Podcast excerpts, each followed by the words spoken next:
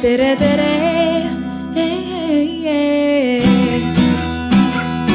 Eestimaa.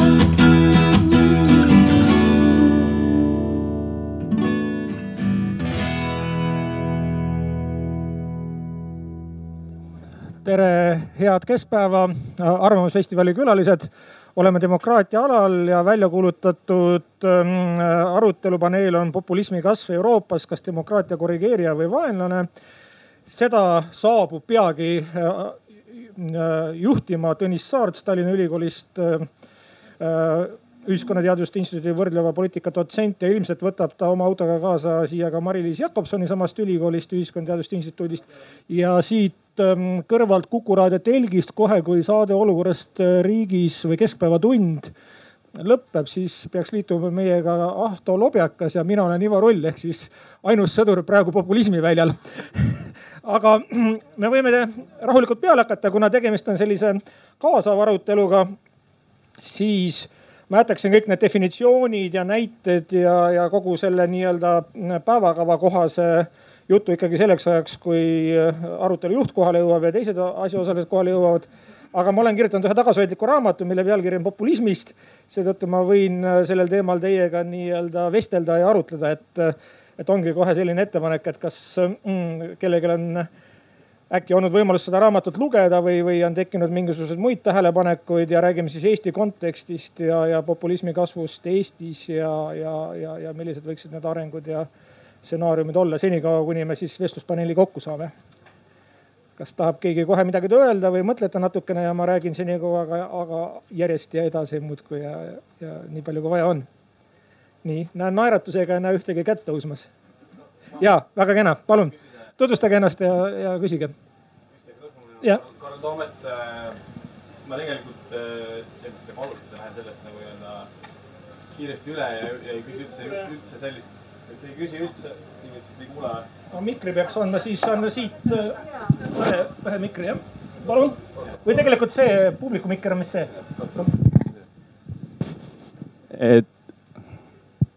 ei tööta praegu. hallo, üks, kaks, kolm. ma usun, et on lülitatud, et sa ei pea. töötab jah ja,? No, väga palju töötab. et äh, minu nimi on Karl Toomet äh, ja tegelikult tahtsin siis küsida küsimust, mis mis ei ole üldse Eestiga seotud, et äh, siin äh, viimastel äh, nädalatel on siis Ameerika suur populismi edendaja Steve Bannon jõudnud otsaga Euroopasse on, on siis alustanud oma või alustanud siis oma selle organisatsiooni The Movement propageerimist Euroopas.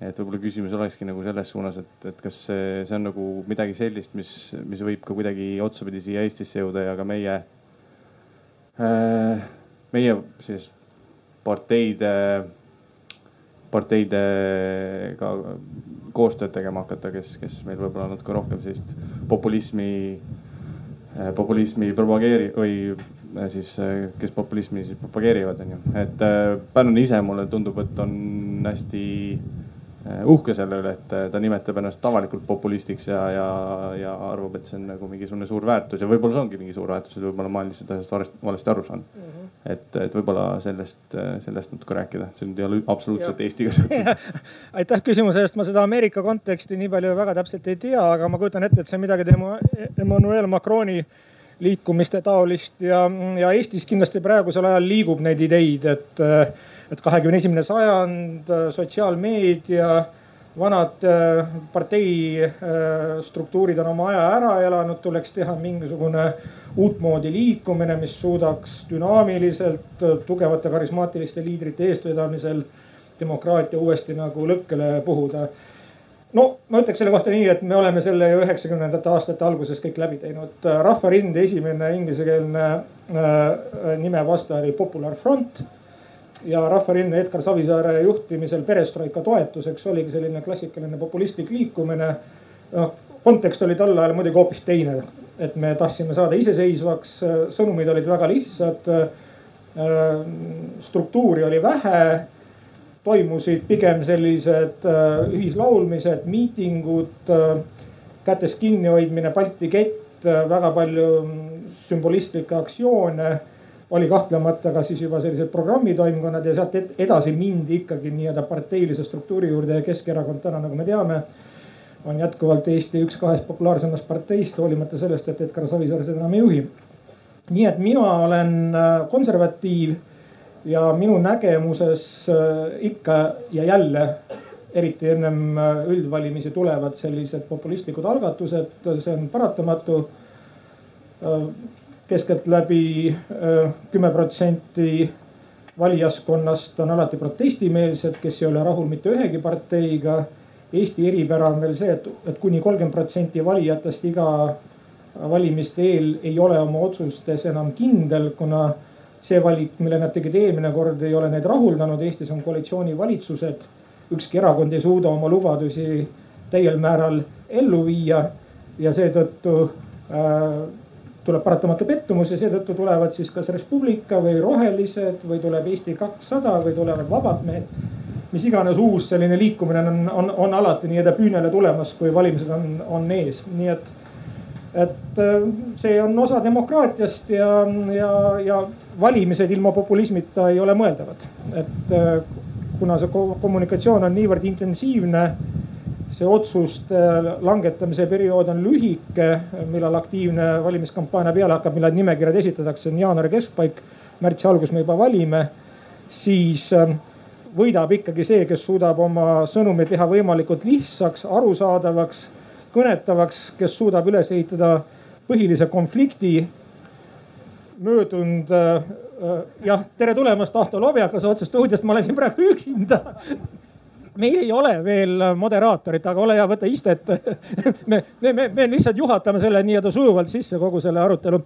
ja praegu oli esimene küsimus tegelikult ähm, äh, Steve Bannoni poolt loodavast Movementist, äkki sina oskad seda nagu äh, spetsiifilisemalt kommenteerida, et kas on võimalus ja oht või hirm või, või lootus, et tuleb ka Eestisse midagi analoogset? tere. tere.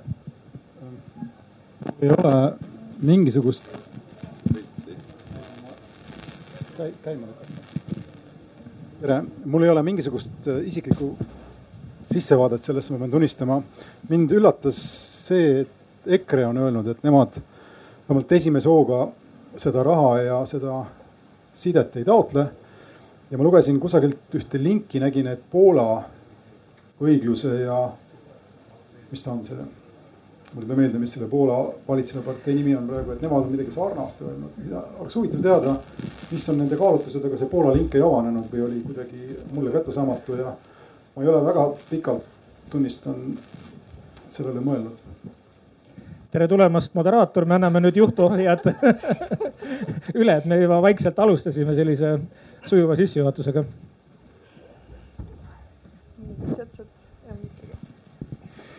tervist äh, kõigile. Äh, ma vist juhatan siis selle arutelu sisse, et veidikene vabandame, jäime hiljaks. ma arvan, et me peaks kõigepealt osalejad tutvustama ka. me selle. vähemalt helinejaid jah. vähemalt helinejaid. et äh, minu nimi on Tõnis Saarts ja ma olen Tallinna Ülikooli poliitikateaduste õppejõud, õigemini siis võrd-, täpsemalt võrdleva poliitika dotsent. Ja olen poliitika noh, niisuguste analüüsiteemadega ja muuhulgas ka erakondade populismiga tegelenud päris pikka aega ja selle teema vastu huvi tundnud. aga annaks siit järjest edasi, et ülejäänud osalejad siis tutvustavad ennast äh, ise. Tervist, mina olen Mari-Liis Jakobson ka Tallinna Ülikoolist, ka riigiteaduste valdkonnast populismi teemaga võib-olla kõige rohkem haagib äh, üks uuring, mida ma kaks tuhat kaksteist vist vedasin, mis puudutas populismi Baltikumis. võimalik, et äh, peatume nendel teemadel täna ka natukene, aga eks seda populismi on nii-öelda sellele akadeemilisele lugemislauale jõudnud nii enne kui pärast seda ka tutvustame nendele inimestele, kes vahepeal on juurde tulnud, Ivo Rull, populaarse käsiraamatu Populismist autor. Ahto Lõbekas, ma päriselt ei tea, miks ma olen siin, aga eks me avastame. Ahto on meil arvamusliider nii äh,, nüüd asuks selle päris arutelu juurde.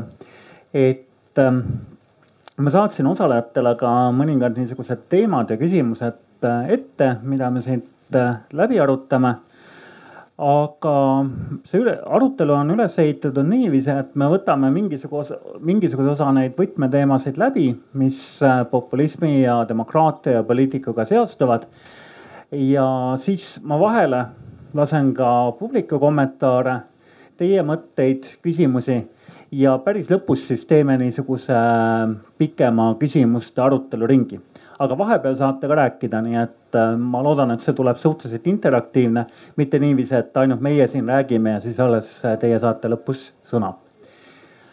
aga selle paneeli või arutelu siis äh, temaatika ongi populism ja demokraatia ja et ennem kui me selle teema juurde läheme, peame me kindlasti paika panema selle, millest me räägime ja kui me võtame niisuguse populaarse arusaama populismist, mida me näeme ajakirjanduses ja mis on ka rahva suus liikvel, siis ähm, populismiks kutsutakse seda, kui keegi pakub valijatele populaarseid lahendusi, mis iseenesest võivad olla äh, üsna kulukad ja võib-olla ka ebamõistlikud noh, niisuguses pikemas perspektiivis. a la populism on see, kui keegi pakub mingisuguseid tasuta teenuseid või, või asju, näiteks tasuta äh, ühistransporti või lubab langetada makse äh,, aktsiise, nagu meil siin on õlleaktsiis või, või alkoholiaktsiis, väga äh,, väga kuum teema. et see on, kui me vaatame ajakirjandust ja, ja seda, mis nagu mis arusaamad rahva hulgas äh, levivad, et see on populism.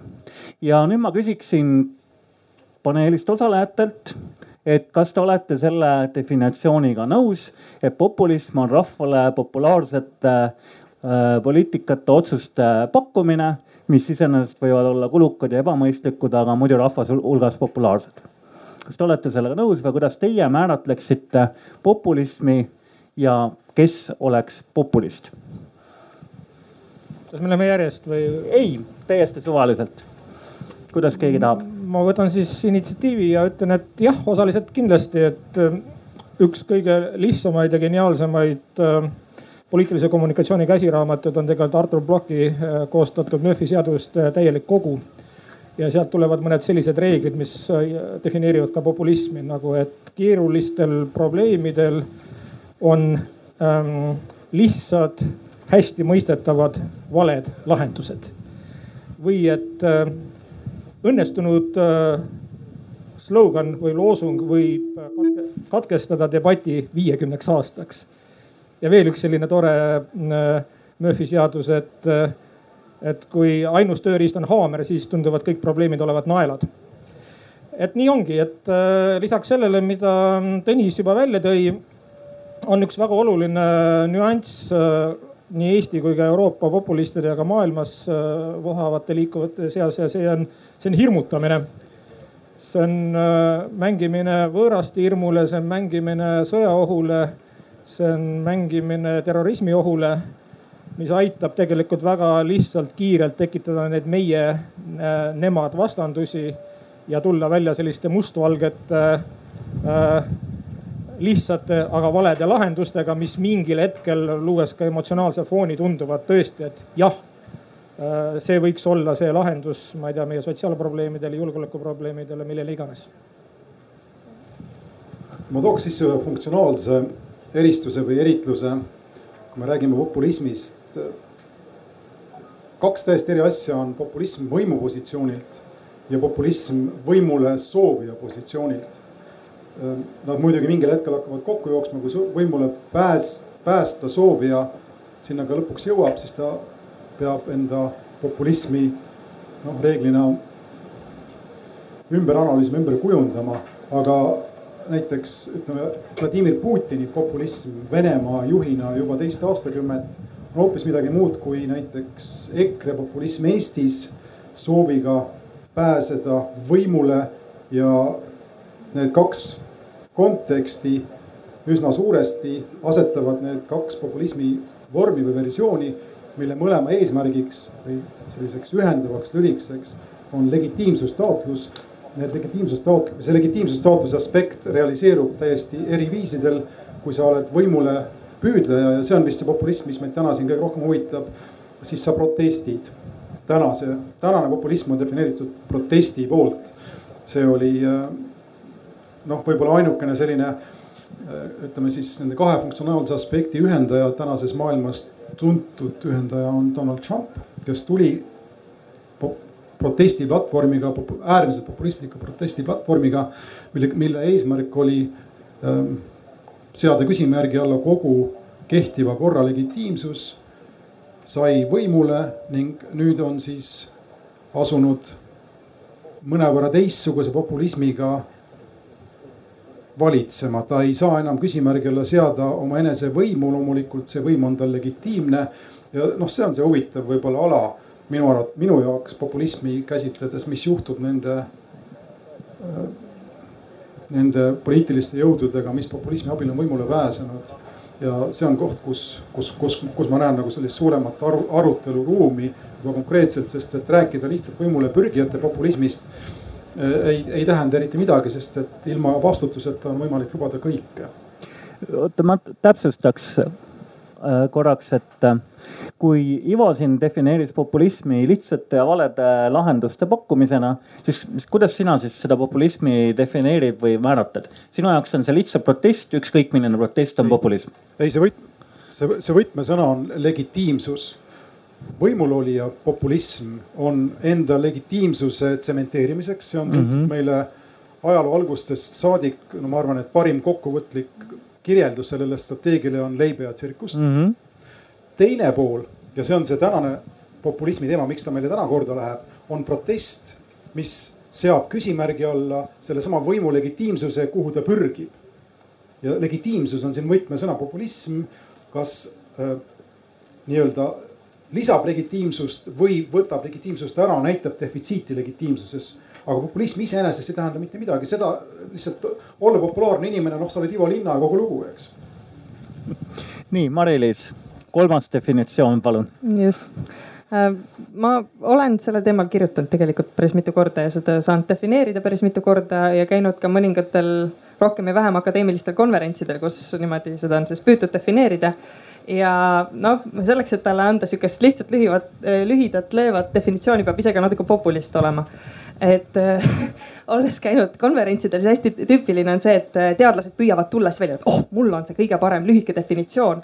ja äh, alati need märksõnad ainult osalt kattuvad, et aga mitte, mitte täielikult, nii et ta ongi päris keeruline nähtus, mida meil niimoodi kolme märksõnaga on, on raske paika panna. aga ma pakun oma kolm märksõna siis ka välja, et esimene märksõna on rahvas sõna populism tuleneb ju äh, ladinakeelsest terminist rahva kohta populus ja populist on selline poliitik, kes väidab, et tema teab, mida rahvas tahab ja tema nüüd tuleb ja annab seda rahvale, mida rahvas tahab.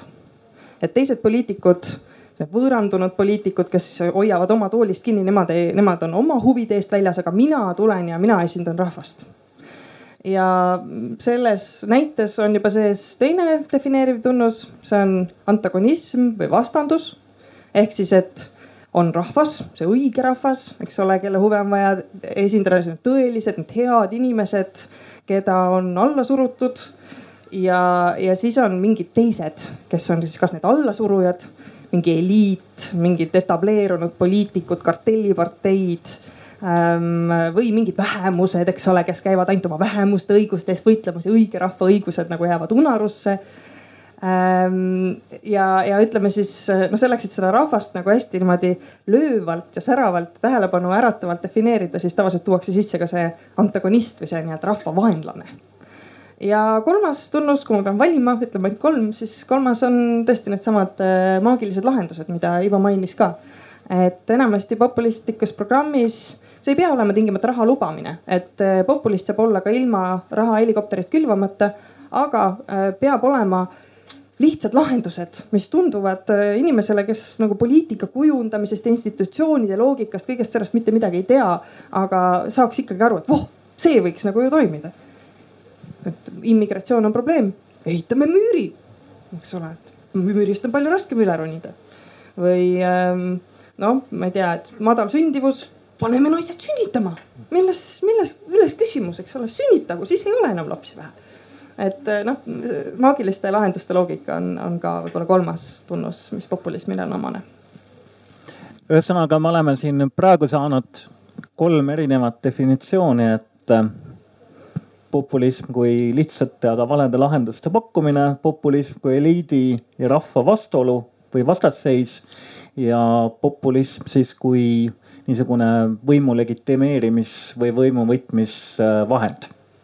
Aga ma nüüd küsiks äh, publiku käest ka. Äh, küsiks võib-olla kahte moodi, et mida teie neist määratlustest arvate või võib-olla teil on mingisugune oma arusaam, mis on populism või võiks olla populist, populism. Äh, ja küsiks ka seda, et äh, võib-olla oskate tuua mingisuguseid äh, näiteid, hiljem küsime seda paneelis osalejatelt ka, et kes need populistid siis on. nii et kes on teie jaoks populist, populistid ja mis on populism? et ähm, kuidas see korraldus siin on, et kas need inimesed tulevad ette, räägime mikrofoni või koha pealt? jah. Mhm. Ah, okei, kas me seda saame? teate, eks need, nende definitsioonide otsimine on selline ähm, võistlus, et kes on, kes on vaimukam. ega nad kusagile ei vii. Minu, minu hästi selline lihtne määratlus, et populism on lapsemeelsus see on umbes see mäng, et anname kümneaastasele noh, sellise ülesande, et mis ma teeksin siis, kui ma oleksin peaminister. ja siis kümneaastane hakkab no, välja pakkuma. et ta lahendab tööjõuprobleemi sellega, et ta toob sada tuhat eestlast Soomest tagasi. niimoodi sõrmenipsuga. ta kümneaastaselt pole mõtet küsida, et, et kuidas ta saavutab selle, mis ta välja pakub. tal on lihtsalt idee või noh, selline väl, väljapääs olemas ja noh, sisuliselt see ongi see, millega, millega populistid ära võluvad võluvad meid kõiki. hästi sellised lihtsad, lihtsad lahendused. oskad sa mõne näite ka tuua? aga tegelikult, äh, miks me räägime kogu aeg EKRE-st, et minu meelest äh, noh, Eesti, Eesti poliitikute valimiseelsed lubadused on suures osas kõik populistlikud juba alates sellest, sellest kui lubati viie rikkama riigi hulka jõuda, eks ole, Reformierakond ja siis IRL lubas hästi kiiresti eesti keelt kõnelevate inimeste arvu viia kahe miljonini mm. -hmm. et no, et siis, kui ma ise hakkasin poliitikuks, siis ma lubasin sellest innustust saades, et ma vähendan raskusjõudu Eesti territooriumil viisteist protsenti. et see, see on täpselt sama, sama saavutatav mm -hmm. nagu need asjad. et, et noh, et selles mõttes nüüd see, see, see populisti mängimine, et, et et praktikast mul, tuleb ka see hästi välja. defineerimisega nii hästi see mul välja ei tule. no okei okay,, väga hea. on veel mingisuguseid definitsioone, arusaame? ma siiski tahaks otseselt definitsiooni pakkuda, aga tõstatada sellise küsimuse, et noh, vot kui me nüüd kuidagi paneme sildi, et populistid on lihtsakoelise mõtlemisega, opereerivad lihtsakoelistele inimestele et eh, kust läheb piir eh, populismi ja revolutsiooni vahel? et eh, kas ei ole nii, et kui vaatame maailma ajalugu, kõik revolutsioonilised pöörded on ju see jõud, kes on pööret esile kutsunud või tahtnud esile kutsuda, on ka püstitanud mingit, eks ole, ta ei ole öelnud, et teeme sada asja paremaks ta on öelnud, keskendunud mingile kahele-kolmele vastuolule ja pakkunud oma lahendusi, et vabandust, et mul ei ole definitsiooni, aga ma arvan, et, et võib-olla seda populismi versus revolutsiooni eh, vahetegemist peaks see definitsioon ka sisa, sisaldama mm. -hmm. ma arvan, et minu vaatepunktist olete saanud pihta selle asja tuumale. revolutsioon on võimu legitiimsuse puudumise äärmuslik vorm ja see on iga võimule pürgiva populisti noh, ideaalne stsenaarium ja ma võib-olla liialdan, võib-olla ei liialda, kui võtame näiteks meie enda situatsiooni täna Eestis, siis ei ole ju päris kaugel sellest, mida EKRE tahab, revolutsiooni idee. tuleb rahvas ja kehtestab oma võimu. ma ka definitsiooni ei paku, ilmselgelt kaldun küsimused kõrvale, aga ma läheks selle algse pakkumise juurde korraks, et, et kas populism on populaarsete lahenduste pakkumine minu arust populistlikud lahendused ei pea absoluutselt olema populaarsed, näiteks äh, Eesti võtmes äh, euroskeptitsism, et astume Euroopa Liidust välja ja siis läheb kõik paremaks, ei ole populaarne lahendus rahva seas. isegi mitte selle õige rahva seas, keda mingid parteid võiks tahta esindada. samamoodi on osa populistliku probleemi loomises selline vandenõuteoreetiline lähenemine. siin ma tooks näiteks selle Keskerakonna probleemi e-valimistega, et on selline konspiratoorne lähenemine, et on probleem, et keegi kuskil kontrollib valimisi, me ei tea, kes, me süsteemi ei tunne, internetist aru ei saa, järelikult on paha. Äh, lahendus on see, et lõpetame ära lihtsalt ja ongi probleem lahendatud. jah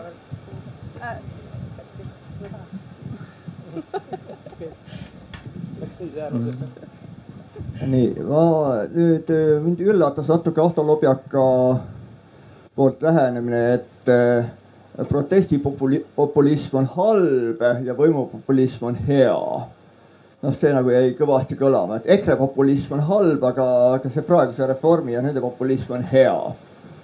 nojah, aga ja teine asi, mis mulle ka silma torkas, on see, et äh, populismi defineerimise raskuse äh, see ilmselt tulenebki sellest samast võimupopulismist ehk eh, võimu käes on väga palju vahendeid enda populismi õigustamiseks ka eh, teadusgrantide kaudu nii et eh, sedakaudu nii-öelda, et see on see õige ja, ja seda tuleb õigustada siis, eks ole, et kuidas nüüd seda sõnastada, siis see teeb selle asja segaseks ja raha eest saada. et aga kui nüüd pakkuda veel omalt poolt mingisugune definitsioon, siis et Äh, et populism on äh, toimimisviis äh, riigi juhtimises toimuva info kogumise katkestuse tingimustes. et inimestelt riigi tipuni välja ei toimu vabatahtlikku info juhtimist. mida see siis tähendab? et, et on sellised nii-öelda seosetud lendlaused, mille põhjal teevad inimesed otsustusi okay., mitte ei ole selline altpoolt ülespoole läbi analüüsitud informatsioon mm. -hmm. nii, ühe võtaks veel ja siis läheme aruteluga edasi. ma võin võib-olla ah. mm. -hmm ma lisaksin siia juurde selle, et äh, populism või populist Äh, teeb väga hästi jutustusi, ta põhimõtteliselt loob narratiivi.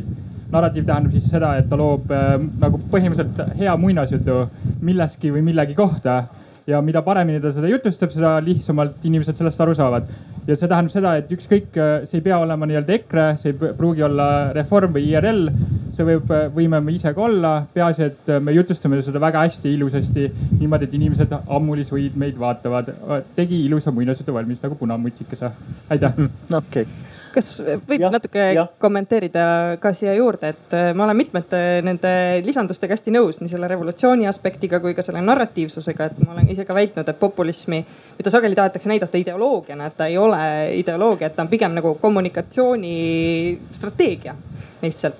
ja mis ma tahtsin veel siin selle ähm, äh, rahva konstrueerimise kohta öelda, on see, et ega populistiks ei tee poliitikut see, kui ta on rahva seas populaarne või see, et kui ta saab õigesti aru, mida rahvas tahab.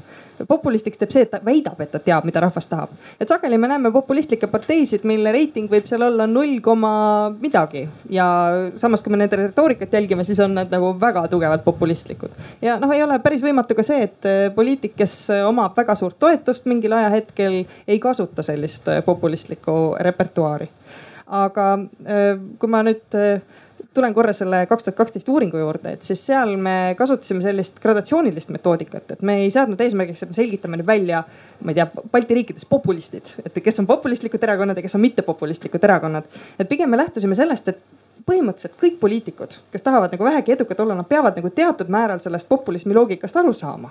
ja meil ei oleks ju demokraatiat, kui meil oleks poliitikud, kes ei äh, ei püüakski rahva tahet teostada, eks ole et aga küsimus on natukene jah, selles äh, sihukeses äh, sõnumi lihtsakoelisuses, mitte poliitikute. Äh, populistid võivad olla väga rafineeritud mõtlejad, aga lihtsalt see retoorika on selline suhteliselt lihtsakoeline, mida kasutatakse.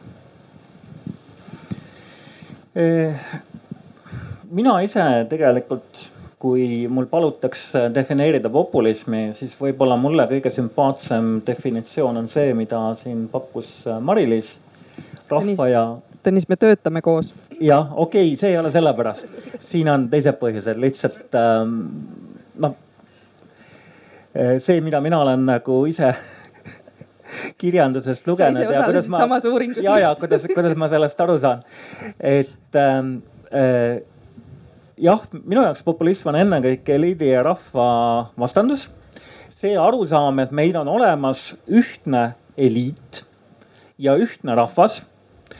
Äh, neil on erinevad huvid, need huvid on vastandlikud ja see, mis on poliitikas juhtunud, on see, et äh, see korrupeerunud omakasupüüdlik eliit on rahvalt selle võimu ära võtnud. Ja nüüd populistlike poliitikute ja erakondade eesmärgiks on see võim rahvale tagasi anda. Teilt kui rahvalt on võim võetud, selle on korrupeerunud eliit enda kätte võtnud, ei esinda enam teie huvisid. ja nüüd tulevad populistlikud erakonnad, ütlevad, mis on teie kui rahva huvid ja annavad teile selle võimu tagasi. nii määratleksin mina seda populismi, jah. Kas ma tohin nüüd sult vastuküsimuse korras täpsustust paluda? tähendab, sa ütled sinu definitsiooni kohaselt inimesed, kes juba on võimul, ei saa olla populistlikud, kuna nemad ei saa ju öelda, et me oleme korrumpeerunud, rahvas on seal. tehke meid korda. vot selle populismi puhul ongi see probleem, et kui sa saad võimule siis mingil hetkel sa muutud ise selleks eliidiks. Ja me tegelikult ähm, noh, kui me vaatame poliitilist ajalugu, siis populism on nagu ennast hävitav ideoloogia ja aga et, siin ma olen, siin ma, siin, siin ma olen sada protsenti nõus seltsi, härrasmehega sealt esireast. Reformierakond, olles seitseteist aastat võimul, rakendas tehnoloogiliselt väga populistlikke meetmeid ja oli võimul. Sorry, aga populism ei ole lihtsalt opositsiooni öö, eripära või tehnoloogia, mis ja on avatud ainult sekundi, sekundeerin Ahtole ja, ja tõesti juhin ka Tõnise tähelepanu, et ka Keskerakond, kes on võimu teostanud väga pikalt Tallinna linnas ja nüüd on võimul äh, riigis, ei ole võimalik sinu definitsiooni kasutades äh, teda defineerida populistliku erakonnana, aga, aga, aga meenutame kaks tuhat viisteist tõstame alampalga tuhandele eurole. Nad on täna võimul, nad ei tee seda, sest nad teavad, mis sellest populistlikust loosungist järgneks. Äh, poole aasta jooksul oleks kõik veel see, mis ei ole Lätti läinud, need töökohad, need ettevõtted ja kõik muu taolised sinna ammu ära kolinud, nii et et, äh, et me peame ikkagi jah, tõesti võib-olla seda Ahto telje, see legitiimsuse telg on minu jaoks nagu äh, definitsiooni mõttes nagu, nagu laiahaardelisem kui see, et me, me võtame seda niimoodi ainult eliidi ja rahva vastandusena või, või siis hetkel Ähm, poliitilisse eliiti kuuluvate äh, ja hetkel äh, nii-öelda sinna mittekuuluvate vastandusena, seepärast et Eestis ähm, poliitiline eliit on väga muutuv spordieliiti on oluliselt raskem saada, ennast üles töötada, teha täna MM-il tulemus, see nõuab kümme aastat tööd ja vaeva, treeninguid. Äh, vaimsesse eliiti jõudmine nõuab õpinguid, tööd, vaeva Äh, finants, majanduseliiti jõudmine nõuab tööd, vaeva, püsivust, järjepidevust. Äh, poliitilisse eliiti on võimalik saada kahekuulise populistliku kampaaniaga, väga lihtsalt, väga vähe investeerides.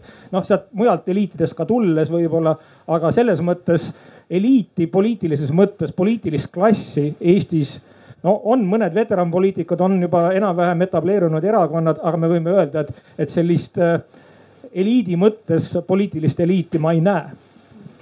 kui ma nüüd ka sekundeerin, siis ma tertsieerin või kuidas selle kohta öeldakse, aga ähm, kui ma täna mõtlesin või mitte täna, aga juba varem mõtlesin sellele arutelule tulles, et mida ma võiksin siin nagu uut öelda, et siis äh, minu mõte liikus sellele samale suhteliselt pop, äh, ka poliitikateadlaste seas suhteliselt populaarsele nendingule, et äh, populistid, kes saavad võimule, peavad hakkama muutuma nii-öelda rahvameestest riigimeesteks aga mulle tundub, et äh, viimase paari aasta sihuke poliitiline praktika näib nagu noh, nendele teadlastele kohta natuke ettenäitavat selles mõttes, et et see oleks tõesti raske, kui proovida jääda mingisuguse sellise eksisteeriva valitsemiskonsensuse sisse.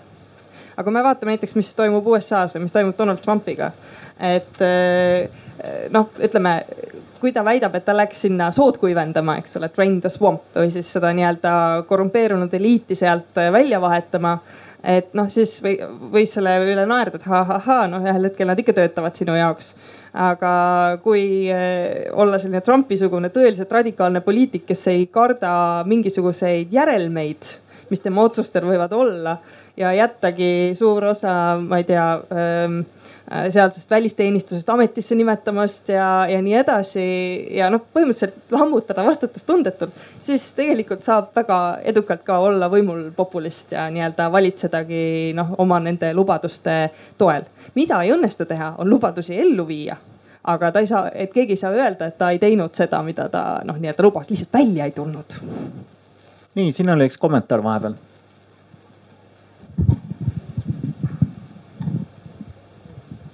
Aitäh, äh, Randel Länts ma igaks juhuks ütlen disclaimer'ina ka, et, et meid Tõnisega seob äh, juhendaja, juhendatava äh, suhe.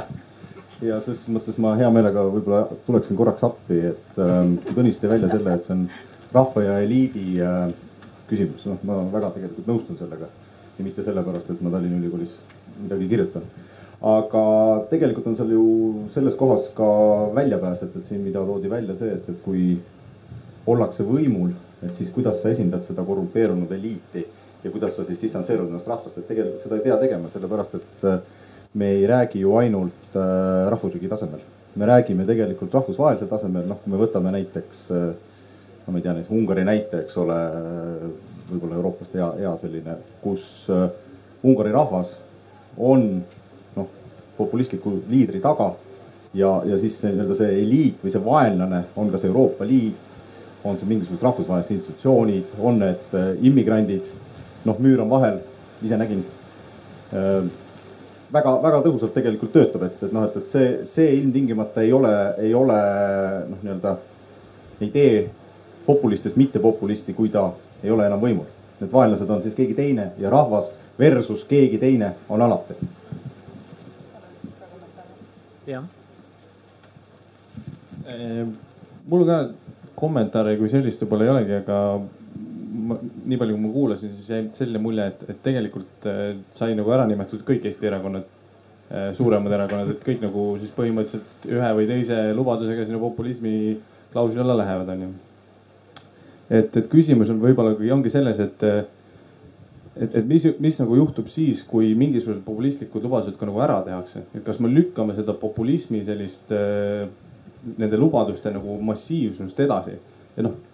Keskerakond tegi meil siin mitu transpordiseaduse muudatust või tähendab, lubas siin tasuta ühistransporti nii riigis kui linnas tehti ära, onju.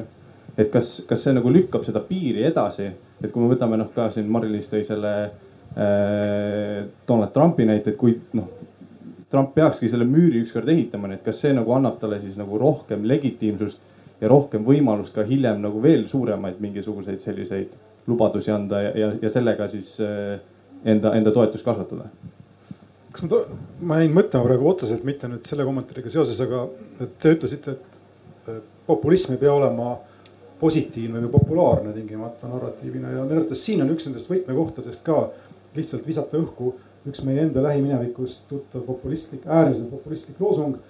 sööme kasvõi kartulikoori, et olla vabad. Mis siin populaarset saab olla peale selle, noh kartulikoorte söömises, eks. ja vabadus ka iseenesest ei teota ju midagi peale, peale lihtsalt meeleseisundi. ja ma arvan, et me alahindamegi siin seda populaarsust ja populismi juurt võib-olla. see, mis loob legitiimsuse see on see, miks ma olen legitiimsuses nii kinni on hoopis keerulisem ja küsimus ikkagi on selles, et kes on võimul, tunneb, et tal on olemas legitiimsus ehk rahva, rahva tugi. sõltumata, seda on võimalik saavutada sõjaolukorras näiteks, mida keegi eriti ei taha, aga seda on suhteliselt lihtne intseneerida, näiteks Balkanil on see meil äh, traditsioon, ühesõnaga traditsiooniline näide tuleb sealt. et, et, et noh, populaarsus on, on, on keerulisem mõiste ja, ja ma viiksin ikkagi tagasi jah legitiimsusele. kõik, mis seob, kõik, mis kasvõi minu pärast suitsu ja peeglitega toob rahva toetuse võimu taha, on äh, populism. see on hea küsimus, see praktika aspekt on tähtis ja Eestis me selles mõttes puhast äh, tulemust pole saanud, kuna nagu ma mainisin, kõik on koalitsiooni ja kõik on pidanud oma populistlikke lubadusi sööma, kaasa arvatud Keskerakond või Reformierakond. aga on üks selline üdinisti populistlik lubadus, kus on kahe riigi praktika olemas, see on kodanikupalk kõigepealt äh, pandi ta Šveitsis referendumile, referendumid üldiselt on populistlikud tööriistad, äh, eriti diktaatorid armastavad referendumeid. Refer referendumite käigus on võimalik probleeme äärmuseni lihtsustada ja mingisuguseid teisi kaasnevaid emotsionaalseid argumente panna üht või teist poolt tegema, et David Cameroni poliitika oli ebaõnnestunud, seetõttu oli ka Brexitil euroskeptikute võit. aga šveitslased, ühed rikkamad maailma kodanikud, oma referendumil lükkasid kodanikupalga ettepaneku tagasi. Ja teispool äh, lahte põhjanaabrid soomlased on nüüd ette võtnud valimi vist kaks tuhat inimest ja, ja rakendavad praegu kodanikupalga eksperimenti, et kuidas need inimesed siis äh, käituma hakkavad, kuivõrd nad siis muganduvad, kuivõrd nad saavad äh, mingisuguse loome või mingisuguse muu vaba tegevusega ennast teostada, kui neile lihtsalt Soome riik maksab täisväärset ähm, palka ja, ja, ja, ja selle eksperimendi tulemusi pole veel täna teada, aga, aga need on kindlasti väga, väga põnevad tulemused. ma võib-olla lisaks ka siia vot üks asi, ma tulen jälle selle definitsiooni juurde tagasi, et lihtsalt lubada kellelegi tuhandet eurot äh, ei ole minu meelest äh, populism, et see muutub populismiks siis, kui me ütleme, et me võtame selle raha nendelt kapitalistlikelt kõrilõikajatelt või, või noh, kelleltki, eks ole, siis äh, ära, et noh, tekiks nagu mingisugune vastandus ka. Või noh, kes, kes iganes on, ma ei tea, ei maksa nendele inglise keeles on welfare queen, eks ole, nendele heaolu kuningannadele, eks ole, kes ainult sõltuvadki sotsiaaltoetustest ja, ja anname seda siis õigetele tublidele tööinimestele. et mingi vastandus peaks seal sees olema. aga pagan, mul läks mõte natuke rändama ausalt öelda et äh, jah, ma tulen pärast selle juurde tagasi Teid ja publikut kuulates ma olen veidikene segaduses, et mulle tundub, et populistid on kõik Eesti erakonnad, nagu siin ka märgiti. ja praktiliselt kõik äh, veidikenegi kahtlased poliitilised lubadused on ka populistlikud. et ma olen selle mõttes segaduses, et, et kui populistid on kõikjal ja kõik on populism, siis no miks me seda paneeli teeme, miks me sellest teemast üldse arutlema miks me selle populismi esiletõusu pärast muretseme, sest see on ju kõikjal, see on täiesti loomulik asi. kõik on populistid, et ma olen segaduses, et, et me arutame siis nagu täiesti noh, igapäevast fenomeni. eks ole, see on ja, ja seal on kõik selge. Tähendab, ähm, mis ma tahtsin ka ennist öelda, tegelikult äh, on see, et et ega populismi kohta on ka öeldud, et see on mingisugune selline mõttevool või strateegia, mis käib lainetena et äh, on selliseid ajajärke, kus populistid saavad nii-öelda tuule tiibadesse ja selline süsteem nagu toimib või et seda tüüpi lubadused toimivad. -hmm. aga sellele võib järgneda ka nii-öelda siis selline tagasilöök, et inimesed pettuvad või kainenevad või kuidas me iganes seda noh nimetame nii-öelda. et noh, mida mina ei näe praegusel hetkel on see, et, et meil on, ütleme tulevad populistid võimule ja siis pärast seda tulevad veel hullemad populistid võimule, kes püüavad eelmisi üle trumbata. et tavaliselt ka avalikus arvamuses me näeme nagu sihukest teatavat lainetust või noh, mingisuguseid siukseid konjunktuurtsükleid. et noh, tõenäoliselt see on see äh, nähtus, mis äh, põhjustab selle, miks me seda teemat arutame. praegusel hetkel tundub, et noh, nii-öelda ka maailma ajaloolises plaanis me oleme jõudnud sellesse äh, aega, kus populistidel on nagu selge kandepind olemas Nad on võrdlemisi populaarsed ja, ja mitmel pool kannavad ka valitsusvastutust. aga noh, see ei pruugi kesta igavesti. Mari-Liis, kas sa oskad nimetada mõnda populisti ikkagi? ja oskan küll. too mõned näited omalt poolt ka, siis oleks selge. aga eh, mida ma tahan öelda, on see, et eh, minu meelest ei ole see õige, et me defineerime populismi mingisuguse sellise nii-öelda absoluudina ja ütleme, et siin on meil üks absoluudi esindaja ja see teine ei ole selle absoluudi esindaja, et see on ikkagi mingisugune poliitiline strateegia, mida, nagu ma ütlesin, kõik tegelikult kasutavad teatud määral, kes püüavad vähegi poliitikas edu saavutada. jah. põhimõtteliselt see nüüd, mida me praegu kuulsime, on essentsialistlik äh, populismi definitsioon ja mina pean ütlema, et ma sellega absoluutselt nõus ei ole. see on, tekitab ka selle raskuse populistide nimetamisel. loomulikult, kui defineerida populism kui mingi tsükliline või essentsialistlik nähtus, siis inimese tasandil no keeruline on seda assotsiatsiooni tekitada mingi selle või tolle poliitikuga.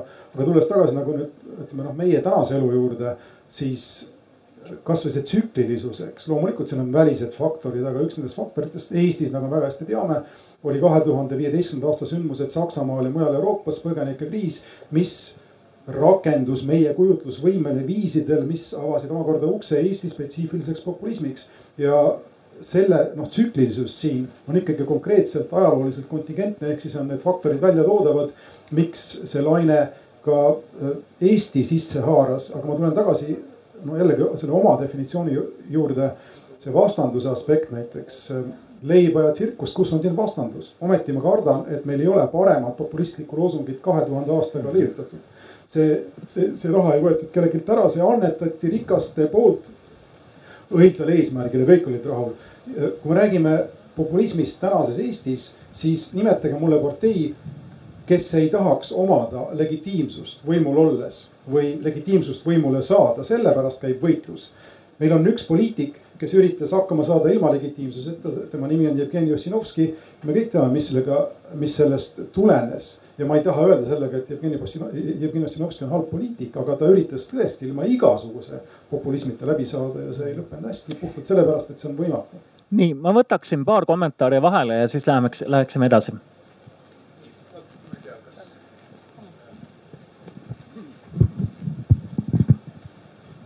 püüan nüüd äh, paneeli natuke provotseerida, vot ma lähtun sellest äh, diskussiooni algsest ülesande püstitusest, et me peaks mõtlema selle peale, kas kuidagi äh, saab korrigeerida populism demokraatiat.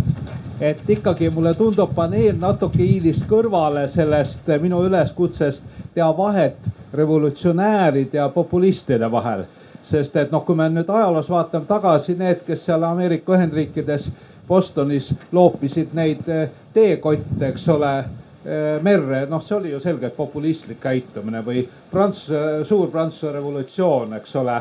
kindlasti seal oli palju populismi või eh, kes juhtus eile vaatama Katariina seda sarja, eks ole, seal ka arutleti, et kas võiks pärisorje vabastada. no selles konkreetses Venemaa kontekstis pärisorjade vabastamine ka tohutult populistlik loosung, kindlasti see oleks andnud Eh, niisugust eh, kiiret nagu majandustulemust. et kuidas ikkagi tõmbate piiri selle vahel, kes siis on nüüd need populistid, eh, kes siis lihtsalt pakuvad välja normaalpoliitikale mingeid absurdseid, eks ole, kõrvalpõiked ja need, kes siis tegelikult ikkagi viivad mingi murranguni ühiskonnas, need poliitikud. ole hea, jah. Võtame ma, teise küsimuse ka, siis ma, vastame. okay.. et seni on hästi selline negatiivne populismi nagu käsitlus olnud, et kas populism ei võiks olla ka progressiivne jõud ühiskonnas, kui nagu valitseb sihuke peenhäälestuse ideoloogia et äh, tõesti midagi, kus ongi kujutlusvõimet midagi, no näiteks Bernie Sanders Ameerikas ja temast lähtuv äh, kõik see liikumine, mis on nüüd tekkinud. või noh, kui ajaloos tagasi minna, kõik antikolonialistlikud võitlused, sellised asjad no ma ja. arvan, et äh, et kui siin seesama Donald Trump tuua, siis äh, see oli ka selles mõttes positiivne, et mitmed inimesed, kes olid poliitikast täielikult võõrandunud, järsku tundsid, et on keegi, kes saab nendest aru, kes nagu seisab nende eest ja, ja peavad seda väga positiivseks. et, ähm, et kui mind siin enne essentsialismis süüdistati, et siis äh, võib-olla ma lepitan väikse konstruktivistliku mõttekäiguga. aga ma jään selle juurde, et on ka teatav selline essentsialistlik tsükkel, kui me peame selliseid termineid kasutama et ähm, ka Eesti kontekstis, kui vaadata seda populismi tsüklit, sest minul oli harukordne võimalus teha uuringuid populismist olukorras, kus Eestis seda praktiliselt üldse ei olnud kaks tuhat üksteist valimiste eel. ja noh, oli loogiline, et, peale seda kaks tuhat viisteist valimised tulevad meile hoopis teistmoodi. ja noh, kui rääkida sellest samast äh, põgenikekriisist ja sellest, kuidas see on Eestis mõjutanud, siis kindlasti noh, ütleme, kes erakondadest, eks ole, on rohkem sellise pagulaste vastase programmiga, ilmselgelt on EKRE. et nemad on tõesti kasutanud seda pagulasteemat väga edukalt selleks, et oma reitingut veelgi tõsta. kas ma tohin lühikese kommentaari pakkuda? loomulikult rahvas alati ei eksi. ühesõnaga, see on nagu see mündi teine pool, et rahval äh, ei ole alati õigus ja loomulikult rahvas alati ei eksi. on olemas, ma ütleksin, objektiivsed äh, tingimused aeg-ajalt, mis näitavad populismi noh, kui seda väga laialt defineerida, positiivset jõudu ja üks nendest oli võib-olla tõesti seal ähm, Bostonis. Äh, kuigi ma ei ole päris kindel, kas me kõik teame, mis täpselt Bostonis juhtus, inimesed, kes neid. ja aga ütleme Ameerika Ühendriikides äh, see nõndanimetatud revolutsioon või mis iganes, kuidas ta algas, olid inimesed, kes ei olnud rahul sellega, et neid maksustas Suurbritannia parlament, mille valimisõigust neil ei olnud. Nad tahtsid otsesidet Briti monarhiga nende eesmärk ei olnud liikuda välja või iseseisvuda, mis iganes, kõik asjad arenevad. aga see, mida me kirjeldame ka populismina, on tihti väga kompleksne nähtus. ja antud hetkel ma olen nõus, siin on näitega üks näide sellest, kuidas nii-öelda objektiivselt, rahvaarvamus on siin vale sõna, aga ütleme, olemasoleval korral puudus legitiimsus, teda ei toetatud, seda toetust oli piisavalt vähe, et rahvaesindajad või inimesed võtsid relvad ja läksid äh, olukorda muutma positiivselt. Meie äh, arutelu lava teema, üks märksõna oli populism, aga teine oli demokraatia. ja tegelikult me peaksime veidikene arutlema selle teise märksõna osas ka. et Äh, populism ja demokraatia. kas äh, populism pigem tugevdab demokraatiat või nõrgendab demokraatiat, on ta demokraatiale ohuks või mitte? et kui võtta see populismi definitsioon ja see, et äh, populism on seotud rahvaga, rahva tahtega, siis iseenesest ju see on kõik demokraatiaga kooskõlas. et mida meil saab vastu olla sellele, et tõesti rahva tahe valitsebki, rahva tahet võetakse rohkem arvesse, nii nagu seda populistid tahavad, sest demokraatia on ju rahva võim. järelikult populism on demokraatiale hea, demokraatiat tugevdav ja noh, siin on raske aru saada, et siis miks paljud äh, poliitika analüüsijad ja, ja arvamusliidrid arvavad, et populism on demokraatiale kuidagi ohuks. vastupidi, see peaks demokraatiat tugevdama sest see annab ju rahvale võimu ja see ongi äh, demokraatia olemus. Äh, küsikski teie käest, kas see asi on nii lihtne, et populism ongi demokraatiale hea ja meie mured on täiesti alusetud, et see võiks kuidagi demokraatiat nõrgendada või mis suhe siis populismil ja demokraatial on? see oli ju peaaegu et suunav küsimus aga poliitika uuringutes on kahte sorti autoreid, et ühed on äh, selles paadis, et populism on demokraatiale pigem ohus, ohuks ja siis me räägime tavaliselt nii-öelda liberaaldemokraatiast, millele ta ohuks on.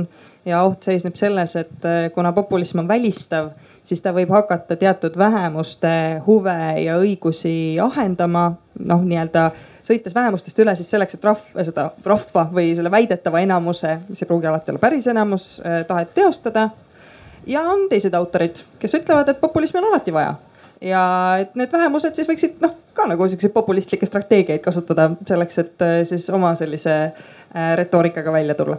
see on väga lihtsas sõnastuses äh, sihuke kokkuvõte.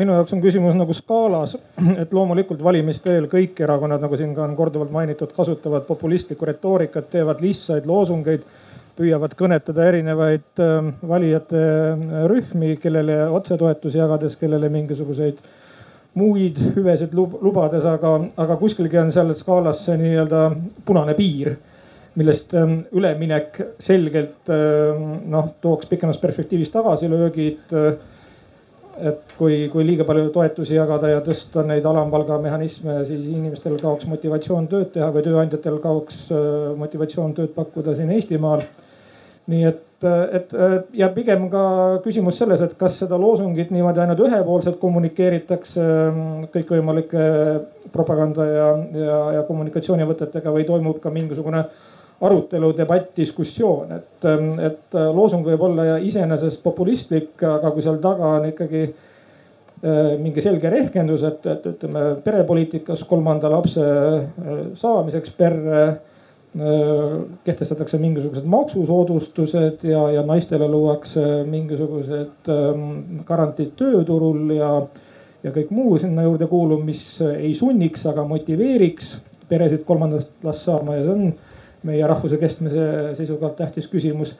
siis äh, populistlik loosung, et äh, kolm last igasse perre on tegelikult motiveeritud aga kui, kui keegi tuleb äh, mingisuguse populistliku loosungiga äh, noh, mis on kas kellegi vastu või, või, või, või lubab mingisugust hüve, mille taga ei ole mitte mingisugust majanduslikku kalkulatsiooni, siis, siis sellel skaalal minu jaoks äh, lähevad selle populismi, mis ei ole demokraatiale tervendav ja hea, et see on nagu ravimitega.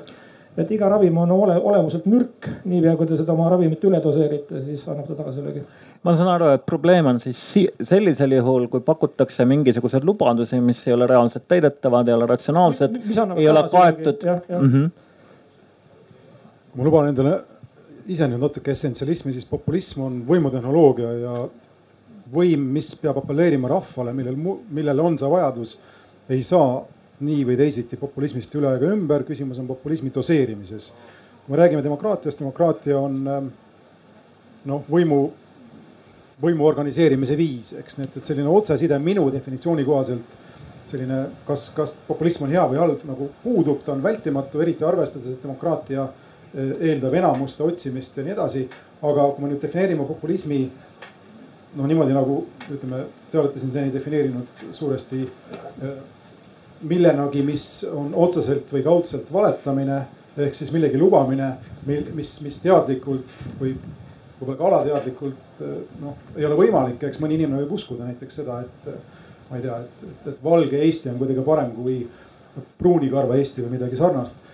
sellisel juhul ma arvan, me lähme tegelikult analüütiliselt ühes teises suunas, kus ma tooksin sisse sellise mõiste nagu fake news. ja küsiksin, ma arvan, et küsimus on rohkem selles, kas tänastes oludes kus fake news, vale, libauudised on muutunud selliseks probleemiks, on, äh, on demokraatia ohus või mitte. ilma populismita ta ei saa, aga kas ta saab ilma nende liialdusteta ja kas ta peab vastu koos nende liialdustega, mida võib kokku võtta terminina fake news, on teine küsimus minu arvates. nii, ma küsiks nüüd väga populistlikult, mida arvab rahvas ja ja sellel teemal, et äh, kas siis. kõigutama, kui sa küsid. just, just, just, et äh, mis teie arvate, rahvas, kas siis äh, populism on demokraatiale ohuks või, või pigem tugevdama demokraatiat, kui me vaatame seda, kuidas me oleme siin seda populismi defineerinud? nii, ma lähtuksin võib-olla kõigepealt teie küsimusest, mis asi on demokraatia demokraatia on minu jaoks äh, kodanike vabatahtlik informatsiooni kogumine riigi juhtimiseks. ja seda teostatakse siis erinevatel viisidel. nüüd, äh, kui on see katkestus selles info kogumises, vabatahtlikus info kogumises, äh, siis, siis see tähendab seda, et minu jaoks toimiv demokraatia ei saa lubada isegi niisugust äh, nii-öelda lammutavat populismi, see nagu kukub seal läbi. kas, äh, kas mu hinnang on õige, et, et toimiva otsedemokraatia tingimustes äh, selline räige populism, mis Eestis on, oleks võimatu, see tähendab, et see oleks tagasisidest-, toimiva tagasisidestatusega demokraatia tingimustes räiget populismi ei saa teostada ma äh, võib-olla kommenteerin natukene seda definitsiooni, et, et äh, kui tõesti demokraatiat defineerida selliselt, et meil on kodanikud, kes tahavad infot koguda ja kes on huvitatud ise siis otsustama minemisest, eks ole, või, või nii-öelda võimu võtmisest. et äh, kui meil on tõesti sellised ratsionaalsed kodanikud, kes pärast süstemaatiliselt seda infot analüüsivad ja nii edasi, siis tõesti ei ole populism võimalik.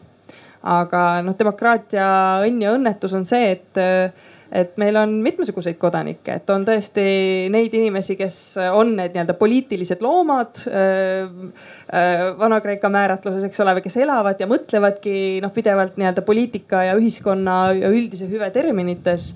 Äh, ja, ja on inimesi, keda see poliitika põrmugi ei huvita ja ikkagi lähevad nad valima oma kodanikukohust täitma, neil on see õigus, eks ole, seda, seda kohustust kanda. ja, ja selles ongi võib-olla see populismi nii-öelda äh, pingetelg praegusel hetkel, et ta vastandub ennekõike sellisele liberaaldemokraatiale, sellele arusaamale, et meil on veel mingisugused noh, muud alusratsionaalsused lisaks sellele rahva tahtele mis noh, e-, e-, et see ei ole päris A ja O, et on mingisugused alusväärtused, põhiõigused, muu selline, mille vastu me ei saa ja ei tohi minna.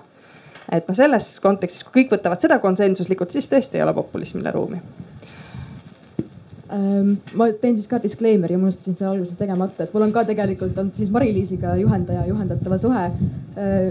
Mis... mingi seminar või kollokvium siin praegu ei, õnneks või kahjuks see suhe on nüüd läbi, olen oma asjad ära kirjutanud aga.... kõik on arvestuse kätte saanud juba. kõik on arvestuse kätte saanud ähm,. ma ütleks, et kui ma lähenen siis selle poole pealt, et kui populism on kommunikatsioonistrateegia, sa rakendad mingisuguseid meetmeid, et saavutada mingit eesmärki, siis ei ole võimalik vastuvaieldamatult vastata küsimusele, kas see on demokraatiale hea või halb. samamoodi nagu ei ole võimalik vastata küsimusele, kas mediatiseerumine on hea või halb, kas amerikaniseerumine on hea või halb.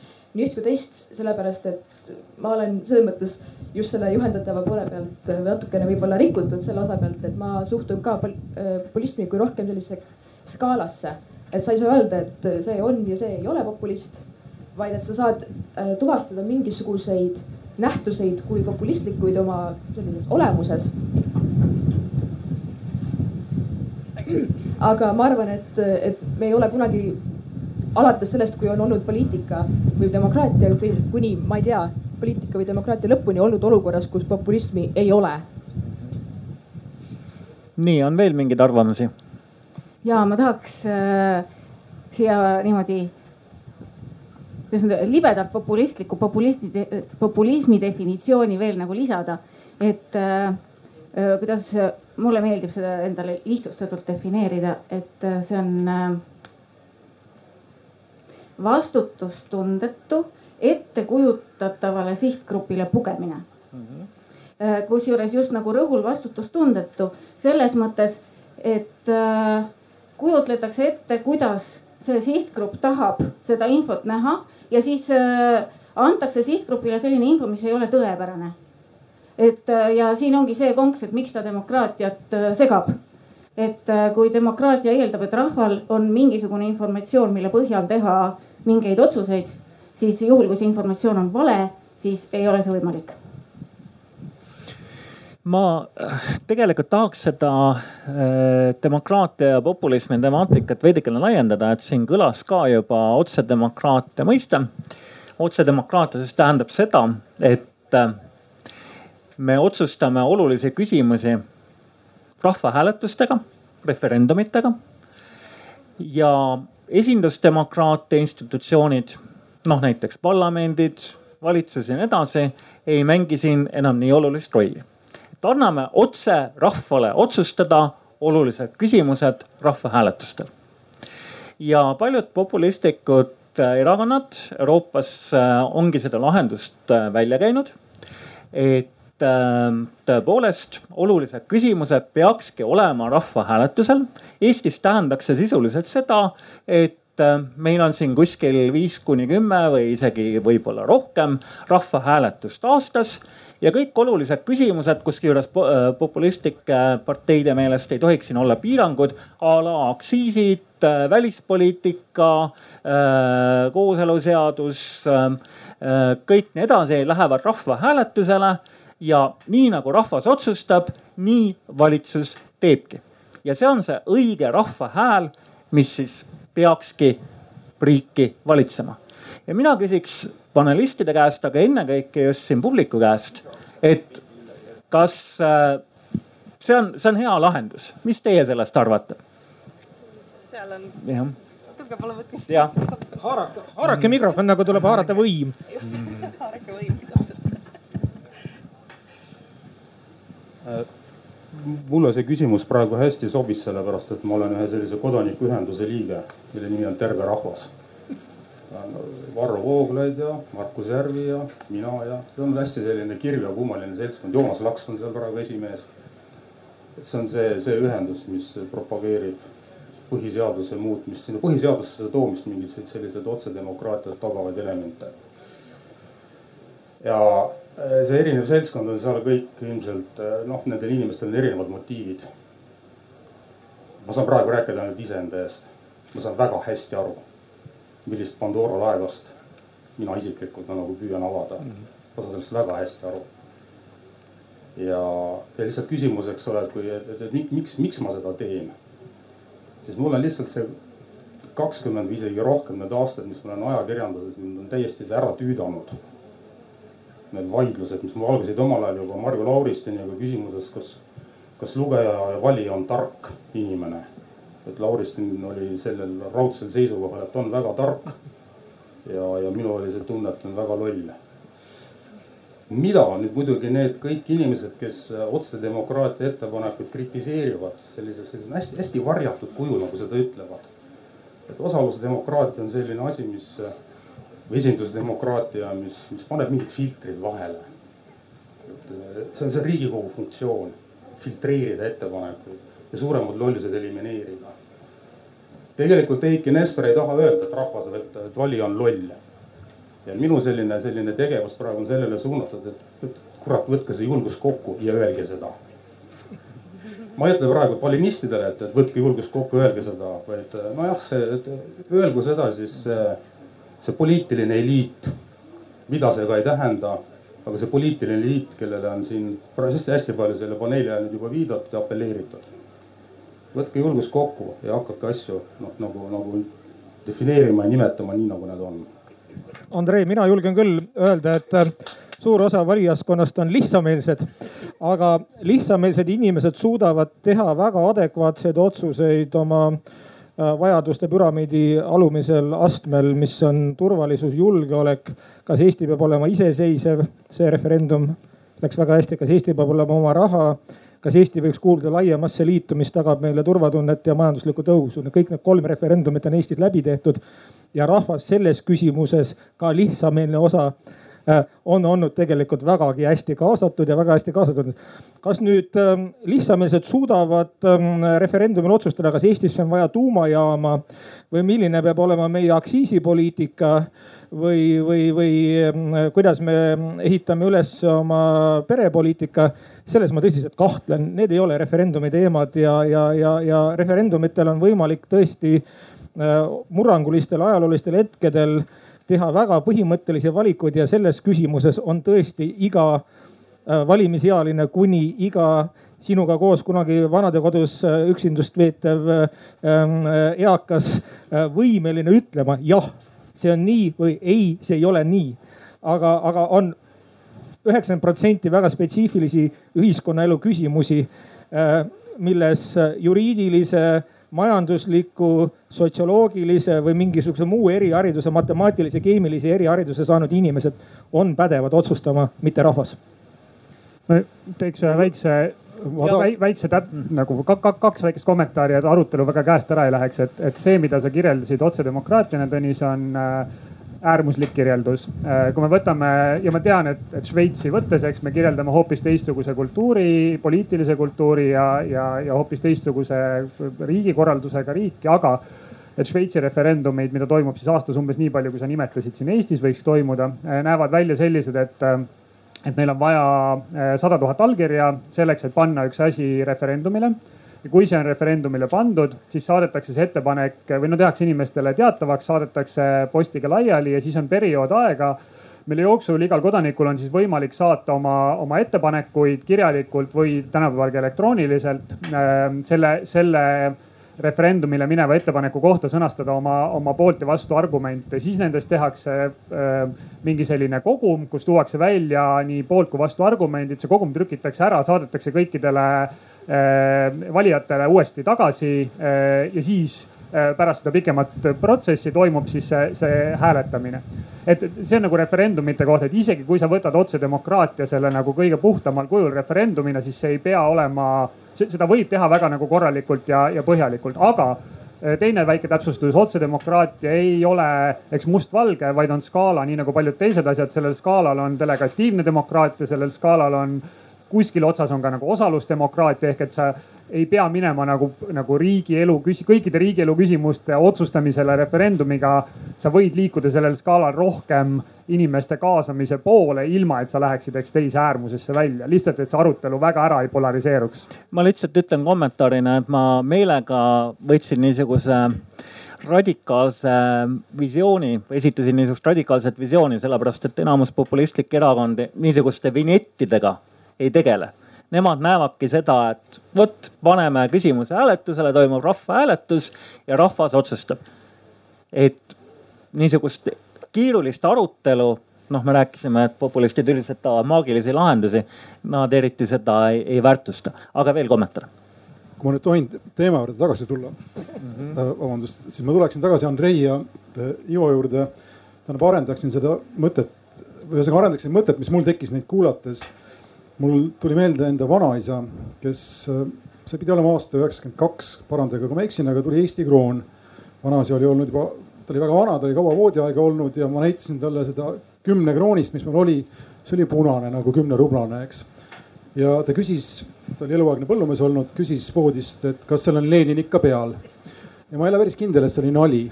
aga teistpidi nüüd tagasi tulles selle juurde, kas tegemist oli inimesega kes teadis, mida ta teeb, kas ta oli otsustaja, noh otsustaja positsiooni väärt ja nii edasi. loomulikult ma arvan, et meil kellelgi ei ole kahtepidi arvamist, aga sellel mündil on teine pool ja see pool peab ka selgelt näha olema. inimesed, kes hääletasid Eesti iseseisvumise poolt mingil hetkel, eks, ja siis hääletas Eesti Euroopa Liitu astumise poolt. ma ei ole kindel et kumbki pool nendest päriselt sai aru näiteks sellest, et see, mis on meil kirjas praegu põhiseaduse preambulas eesti keele, rahva ja kultuuri kohta, on midagi, mis vähemalt tänases situatsioonis rakenduslikul tasandil peab läbi käima lõppastmes Euroopa kohtutest ja saama nii-öelda viimase sõna sealt, mitte meie suveräänsest tahtest. ja see on see põhjus, otse, see on see probleem otsedemokraatiaga, mida konkreetsemaks on nii-öelda see jah või ei tõmmatud, seda suuremad on need semantilised väljad, millest me ei tea mitte midagi. mis iga inimest tõukavad, kui ta läheb selle, selle kasti juurde enda silti sinna sisse panema ja mul poleks õrna aimu ka, mida täpselt mu vanaisa oleks mõelnud, kui ta oleks elanud nii kaua, et oleks saanud hääletada Euroopa Liiduga liitumise rahvahääletusel. ja see eeldus, et me teame, mida need inimesed mõtlevad, on minu jaoks, see on suvaline ja ülbe ja see on põhjus, miks mina olen otsedemokraatia vastu sellel tasandil, kuna inimestel ei ole võimalik seda küsimust esitada viisil, mis respekteerib nende erinevusi, nende päris inimeseks olemist ja nii edasi. kui sa aru saad, mis ma mõtlen? täiesti saan aru hmm.. sa ütlesid sellesama lihtsalt natuke ma tahaks ka korra seda kommenteerida ja öelda, et Eesti demokraatia üks suurimaid vigasid on see, et meil on kõigepealt vaja otsedemokraatia viia sisse erakondade esimeeste juhatuste valimise süsteemis. see tähendab seda, et kui ühel erakonnal on viis tuhat liiget, siis ei valitaks mingit tuhat kausikest, ühesõnaga toidukausikest, ühesõnaga, kes sealt toiduahelast saavad seda partei esimeest sinna valima.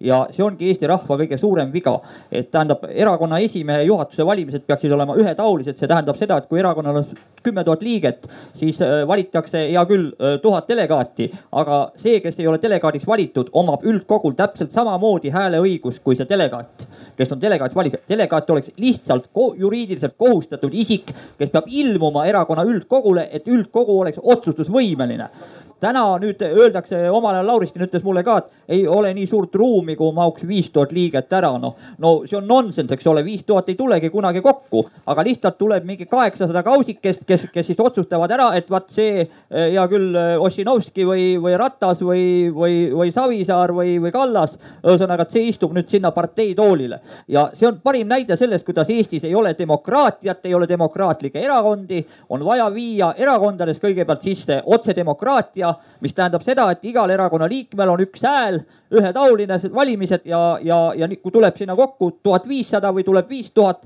siis nemad teevadki oma otsuse ära, kes on erakonna esimees. mitte partei kausikesed ei otsusta seal toiduahelas, kuidas neid kausikesi omal ajal ma olen näinud ühes erakonnas olnud. ühesõnaga, kuidas siis jagati ja, ja kui sa seal valelipikuga siis hääletasid, ühesõnaga siis järgmine kord sulle sõna ei antud. aga mis puutub kahekümnenda aasta põhiseadus, siis ma ütlen veel ühe korra ära, et kahekümnenda aasta põhiseadus ja kolmekümne kolmanda aasta põhiseadus olid kõige demokraatlikumad põhiseadused. tõesti, kahekümnenda aasta põhiseadus põhiseaduse lõid sotsid, aga nad äh, mängisid sealt ühe demokraatliku reegli välja, sest nad teadsid, et nende mees ei saa presidendiks, ühesõnaga või, või riigivanemaks. Äh, ja, ja, ja nad presidendi institutsiooni välistasid sealt ja, ja see tõi kaasa vabadussõjalaste süsteemi, äh, kes kolmekümne kolmanda aasta tegid ühe ainsa paranduse tegelikult kahekümnenda aasta põhiseaduse põhimuudatuse, et rahvas saab otsustada sellest, kes saab presidendiks. aga siis paraku Pätsil ei olnud enam sinna presidenditoolile asja ja siis kehtestati nii-öelda ühe mehe parteiline süsteem, nii nagu Stalini Venemaal oli, kus siis kommunistlik partei oli kogu aeg võimul, ühesõnaga siis Päts tahtis, et Isamaaliit oleks kogu aeg võimul. ühesõnaga nüüd me oleme Eesti Vabariigis seitseteist aastat näinud, kus Reformierakond on võimul okay. ja me ei ole ikka jõudnud viie rikkama riigi hulka, ühesõnaga ja läheb vist kakskümmend viis aastat veel ja me ei jõua tagantpoolt ka viie rikkama riigi hulka, aitäh nii, aitäh kommentaari eest, muidugi võiks äh, ka kommenteerida, et, et Päts oli ka ju ikkagi rahva poolt valitud ja, ja esindas rahvast selles mõttes nagu polnud populistide seisukohast probleemi, aga noh, see on muidugi arutelu temaatika. Äh, ma tegelikult äh, läheks äh, viimase teema juurde, mis on ka oluline. et me räägime siin populistide esiletõusust ja oleme sellest rääkinud siin viimasel kümnendil. ja noh, siin oli erinevaid arusaami, et, et kas see on tsükliline või, või kas see populism on nagu alati olnud. Aga ometi just siin viimasel kümnel aastal seda häirekella on palju rohkem löödud, et populistid on kuidagi demokraatiale ohuks ja nad on, populism on tõusuteel ja nii edasi. ja ma küsiks kõigepealt panelistide käest, et äh, mis te arvate, mis need põhjused on, et just viimasel kümnendil me näeme niisuguste populistlike erakondade poliitikute esiletõusu. kas põhjused on kuidagi majanduses, viimases majanduskriisis? Paljud inimesed on kuidagi Ähm, sotsiaalse turvatunde kaotanud ja seetõttu otsivad niisugust kindlust ja lihtsaid lahendusi. asi on sotsiaalmeedias ja internetis.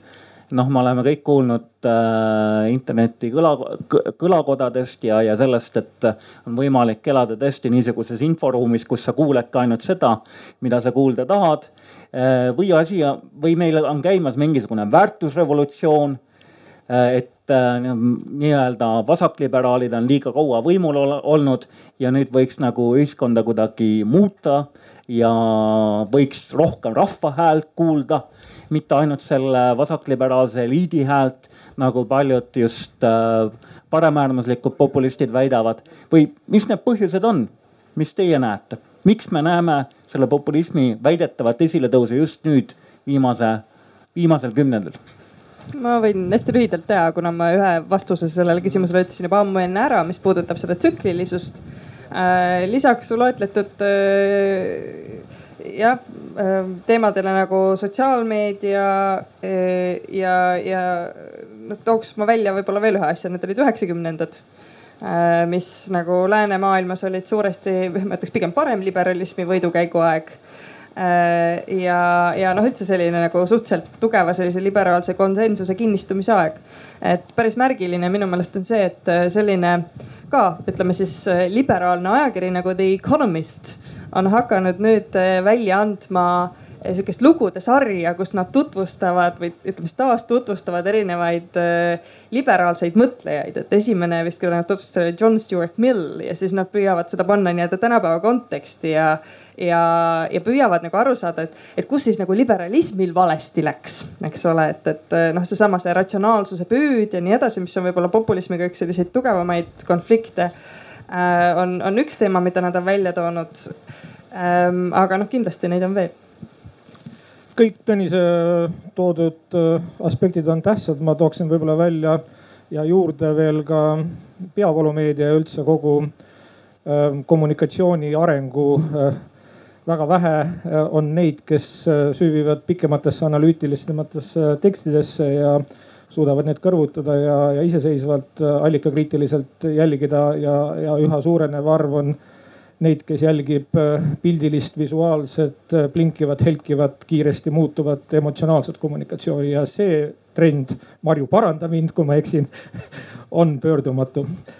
Äh, see ilmselt kõikide taskudes olevate vidinate ja, ja, ja erinevate uute platvormide, erineva aplikatsioonide ja, ja muu maailmas ja, ja ma ei tea ühtegi äh, viieteistaastast inimest, kes väga tähelepanelikult loeks ajalehte, küll nad jälgivad pikki materjale kuskilt Youtube'ist ja mingitest oma kanalitest ja ja kasvavad hoopis teistsuguses ähm, meedia tarbimise harjumuses. ma ei räägi üldse sisust, ma räägin sellest, kuidas informatsiooni vastu võetakse. teda võetakse vastu kiirelt, äh, emotsionaalselt ja see loob populismile väga soodsa pinnase. tegelikult noh, seesama lihtne, kõigile arusaadav, aga vale lahendus selles olukorras levib nagu katk levib nagu epideemia ja, ja kui see epideemia käivitatakse kuu-poolteist enne valimisi, siis ei ole mitte midagi teha. ja kui seda epideemiat käivitab meile mittesõbralik naaberriik, kus on terved majatäied, kes veel ka sotsiaalmeedia ja, ja siin ajakirjanduses olevate kasulike idiootide kõige muu abil selle nii-öelda masinavärgi käima saavad.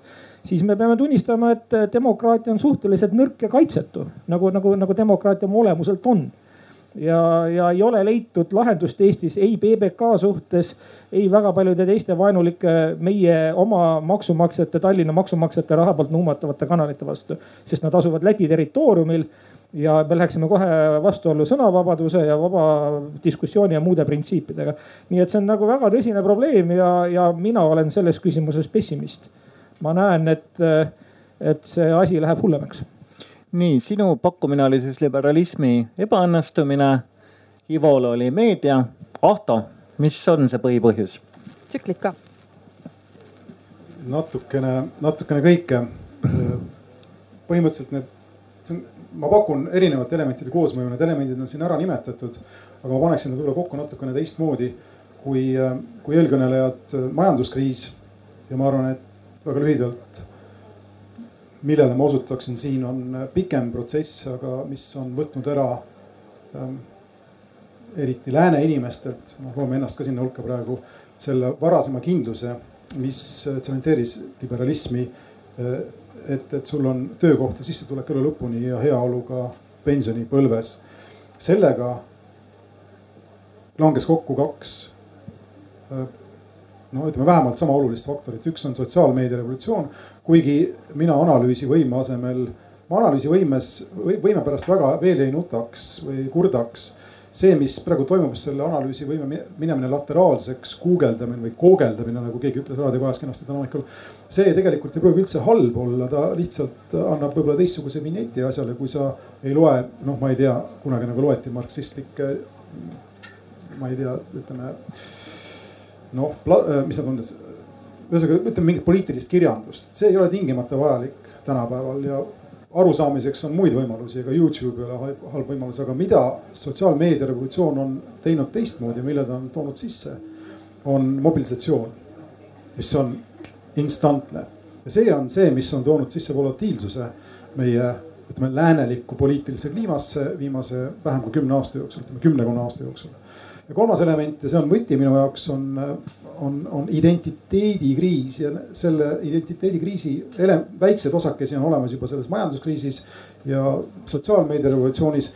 aga nojah, mis ta nii-öelda ära fikseeris või koju tõi, nagu ütlevad inglased, oli kaks tuhat viisteist Euroopas eriti äh, see migratsioon, immigratsioon, mis juba noh, erinevatel põhjustel, erinevatel meetoditel, erinevatel motiividel äh, puhuti üles sest et reaalselt, kui me vaatame numbreid, Saksamaa võttis vastu kaks tuhat viisteist, kui ma ei eksi, seitsesada tuhat asüüliavaldust ja see ei ole eriti, see ei ole, see ei ole isegi ühte või kahte suurusjärku suurem, kui ta tavaliselt on.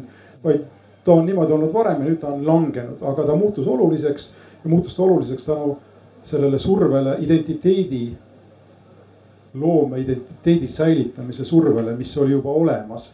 ta oli nagu katalüsaator ja nüüd tulles korraks selle juurde, mis Ivo ütles, ma lihtsalt tahan mitte korrigeerida, aga totaalselt teistsugust nagu vaadet asjale pakkuda. Eestis, kui me räägime idanaabrist, kellel on majad täis inimesi, kes tegelevad, ma ei tea, meedia, sõja ja muu sarnasega. see on ikka kaks täiesti eri asja, kas me räägime Eesti keskmise valija mõjutamisest, no milleni ilmselt Venemaa ei jõua, ega me ei ole siin Ameerika Ühendriigid, siin on oma keel, eks mitte inglise keel. ja see on äärmiselt keeruline ja üks nendest eeldustest, et sotsiaalmeedia üldse toimiks mobilisaatorina, on see, et sa näed inimesi, kes on, on nagu sina no ma ei ole veel näinud vene trolle, kes oleksid nagu mina. selles mõttes ma arvan, et ta Eesti valijat ei, ei mõjuta, pigem võib-olla on ta rakendatav reformierakondlikult positsioonilt, et. et, et absurdini viies sundida inimesi nagu teisele positsioonile, kui, kui see, kui see, mida Venemaa tahab. aga meil on ju olemas ka üle kolmesaja tuhande venelasest kaasmaalase.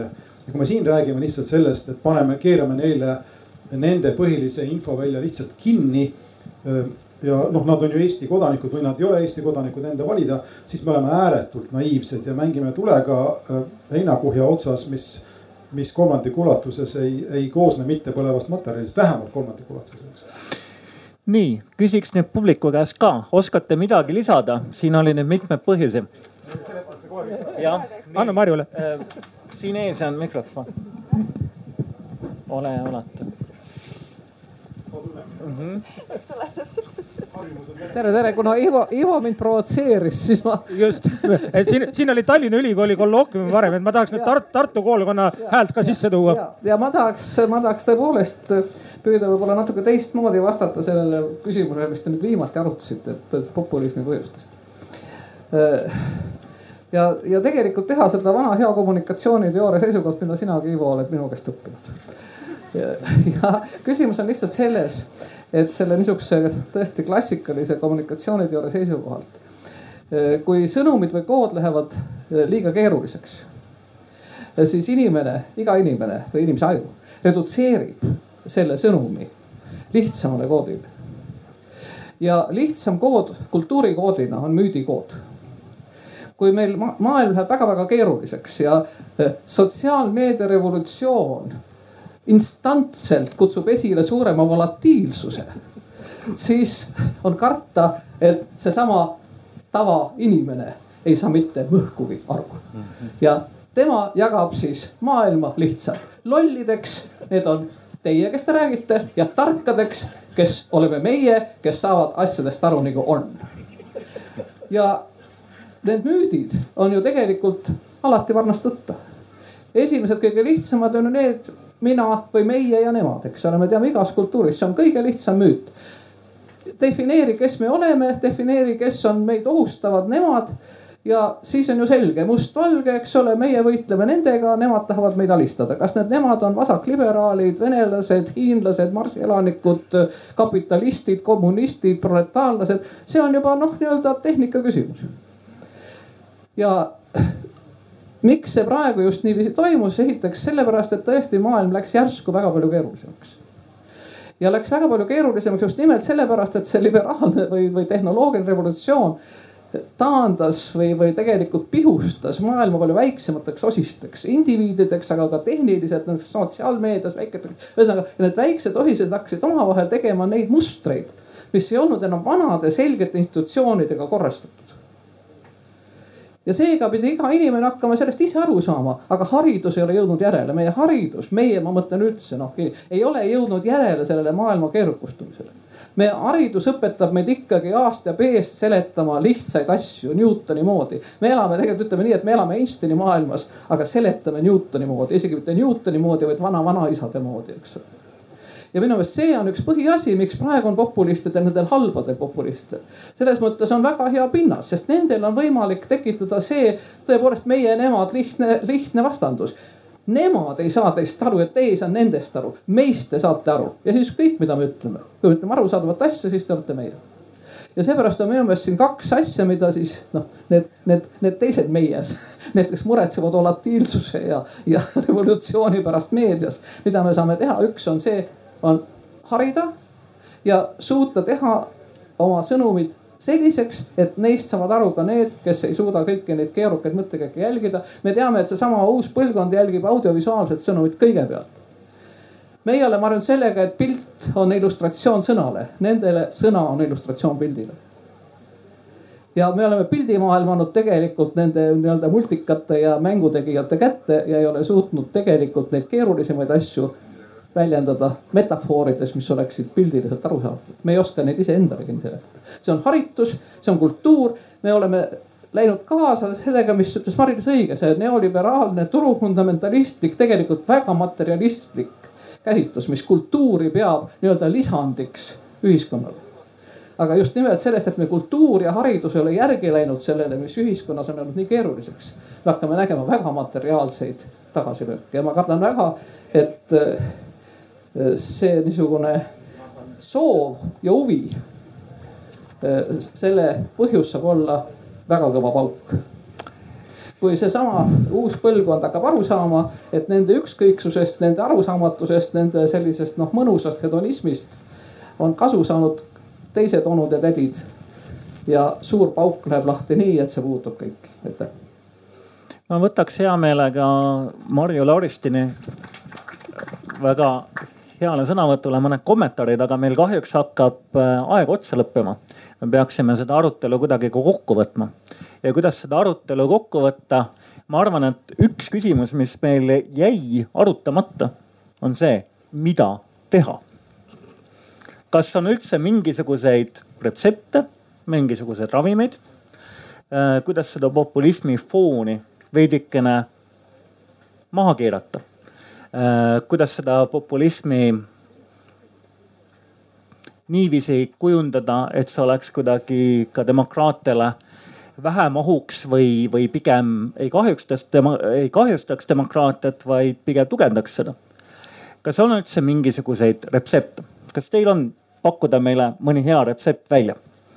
ja siis küsiks lõpuks ka publiku käest ja muud kommentaare, õige natuke veel aega meil on kõigepealt tere juhendaja. Ei ole siin midagi Tallinna Ülikool ja Tartu Ülikool meil oli siin populaarne mäng nimega Tere juhendaja vahepeal, aga ühesõnaga nüüd ma saan pakkuda maagilisi lahendusi kohe. No,, kuidas paku. tõrjuda populismi. paku maagilisi sobib, lahendusi. see sobib ideaalselt. Kõige sellega kokku, mida me oleme siin täna rääkinud. Aga eh, tegelikult eh, selliseid variante või võimalusi, mida proovida, on, on minu meelest mitu esimene on see, et kui ma rääkisin tsüklist, siis variant üks on üle elada eks ole, oodata järgmist tsüklit. ja see on tõenäoliselt kõige toimivam lahendus, aga ka kõige õnnetum tegevus selline.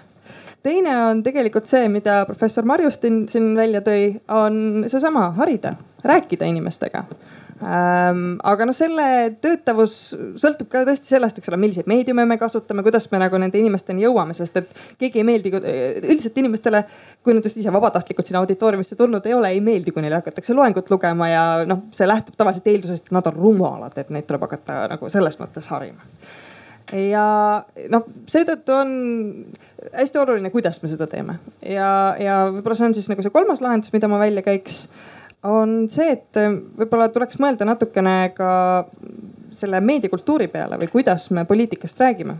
Et hästi selline tüüpiline formaat, mida poliitikas kasutatakse ja mida ka propageerivad need autorid tegelikult paradoksaalselt, kes ütlevad, et populism on hea ja tore asi, on vastandumine, eks ole, et poliitiline diskussioon peabki olema selline äh, laupkokkupõrke tüüpi üksteisele otsa jooksmine, et me nagu lihtsustame asjad ära, kumbki loobib oma siukseid lihtsaid tõdesid ja siis äh, lõpuks tulevad nagu kõik lahinguväljalt ära öeldes, et meil oli õigus et äh, tegelikult on vaja selleks pigem neid ühendavaid kujusid, kellele noh Äh, kelle osas nagu inimesed on neutraalselt meelestatud või vähemalt siis tunnevad, et jah, et, et ta on nagu, temas on killuke midagi, mis on ka minus.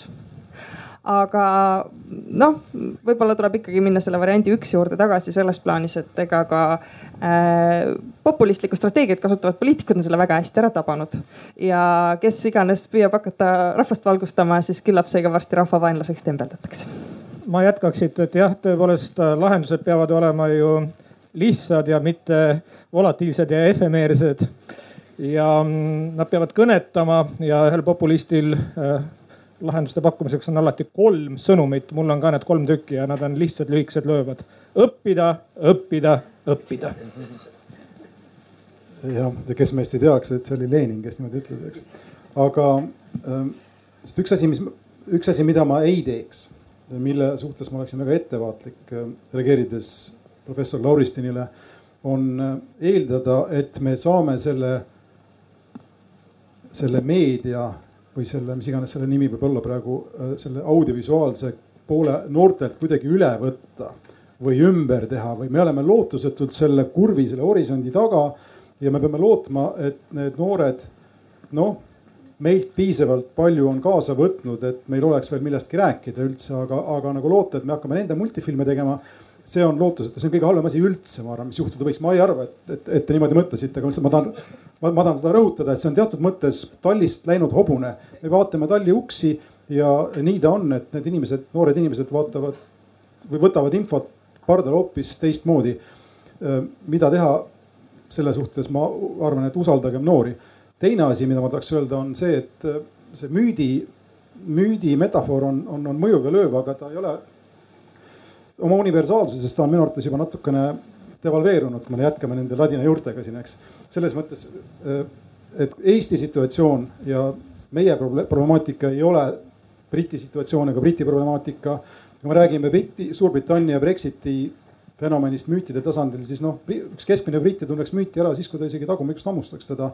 Äh, Tolkieni filmis võib-olla, see on hoopis midagi muud, see meie ja ne nemad äh, asi, mis seal töötab ja seal on tõesti tegemist kommunikatsiooni fail'iga päris noh, ratsionaalsel tasandil, need bussid kolmsada viiskümmend miljonit nädalas ja seal ei ole midagi mütoloogilist, lihtsalt müüdi neile, eh, mis eesti keeles on siis nagu noh, vana hobune, eks, uue pähe. ja see on hoopis teine juba teema. Saksamaa muidugi elab ühe suure müüdi varjus ja üritab endast parimat anda, eh, et, et, et see ära unustada või või mitte sellega enam elada, need lahendused vastavalt ka, ma arvan, peavad nagu arvestama sellega, et ühte universaalset essentsialistlikku löövat asja äh, ei saagi olla ja, ja, ja mis puudutab noh tulevikku, siis ma ütleksin, et inglise keeles on ilus ütlemine, see on nagu see on. ja see kõlab fatalistlikult, aga see on nagu see on. kui peaks tõesti välja tulema, et meie tänasel elukorraldusel ei ole enam piisavat populaarset legitiimsust. ehk siis rahvas ei taha teda ülal hoida. Mis meil sinna parata on? ühesõnaga sinul mingisugust maagilist lahendust meile pakkuda ei ole? sa võid veel küsida, ma võin mõelda. okei okay., aga nüüd küsiks, kas rahval on?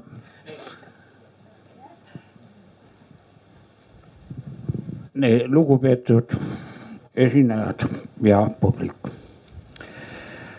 probleem on selles, et teie, ma mõtlen ajakirjanikud, ei ja muud nii-öelda massimeedia mõjutajad ei kasuta õigeid mõisteid ja õigeid termineid.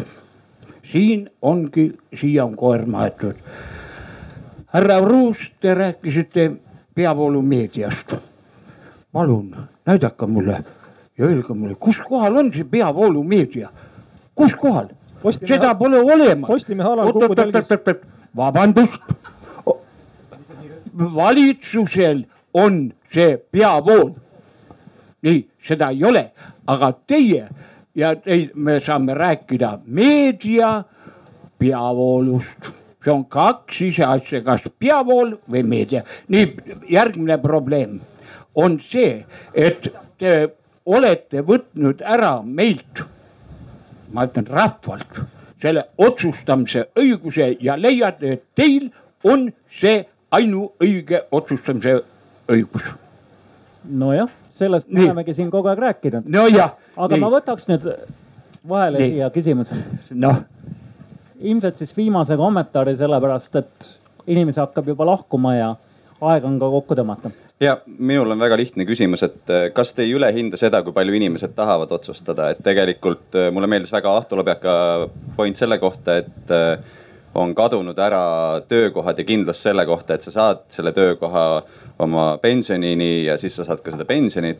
ehk tegelikult enamik inimesi tahab, et nende elu oleks lihtsalt normaalselt kindlustatud ja kuni selle hetkeni, kuni ta on kindlustatud, ei lähe talle tegelikult korda, kes on võimul, peaasi, et lihtsalt elu läheks paremaks. ehk siis tegelikult see, et siin istub, ütleme üks protsent äh, rahvast ja tugevat, äh, mugavatel tugitoolidel ja räägib nendest asjadest, et see on alati niimoodi olnud. inimesed ei ole kunagi lehti lugenud ja see on lihtsalt selline nagu meie ettekujutus, et kunagi inimesed süvenesid hullult, et tegelikult keegi polegi kunagi süvenenud ja see on lihtsalt paratamatus, ainult et nüüd on elu nagu kehvemaks läinud. oli see küsimus või vastus? see on minu nägemus, aga ma tahaks teada, mida teie arvate. nõus pigem oli see väga hea kommentaar meie arutelu lõpp, lõpetuseks. Eh, tänan paneliste, tänan publikut, aplaus ja loodetavasti see mõiste populism sai veidikene rohkem selgemaks ja see, miks ta on nii hea või halb, samuti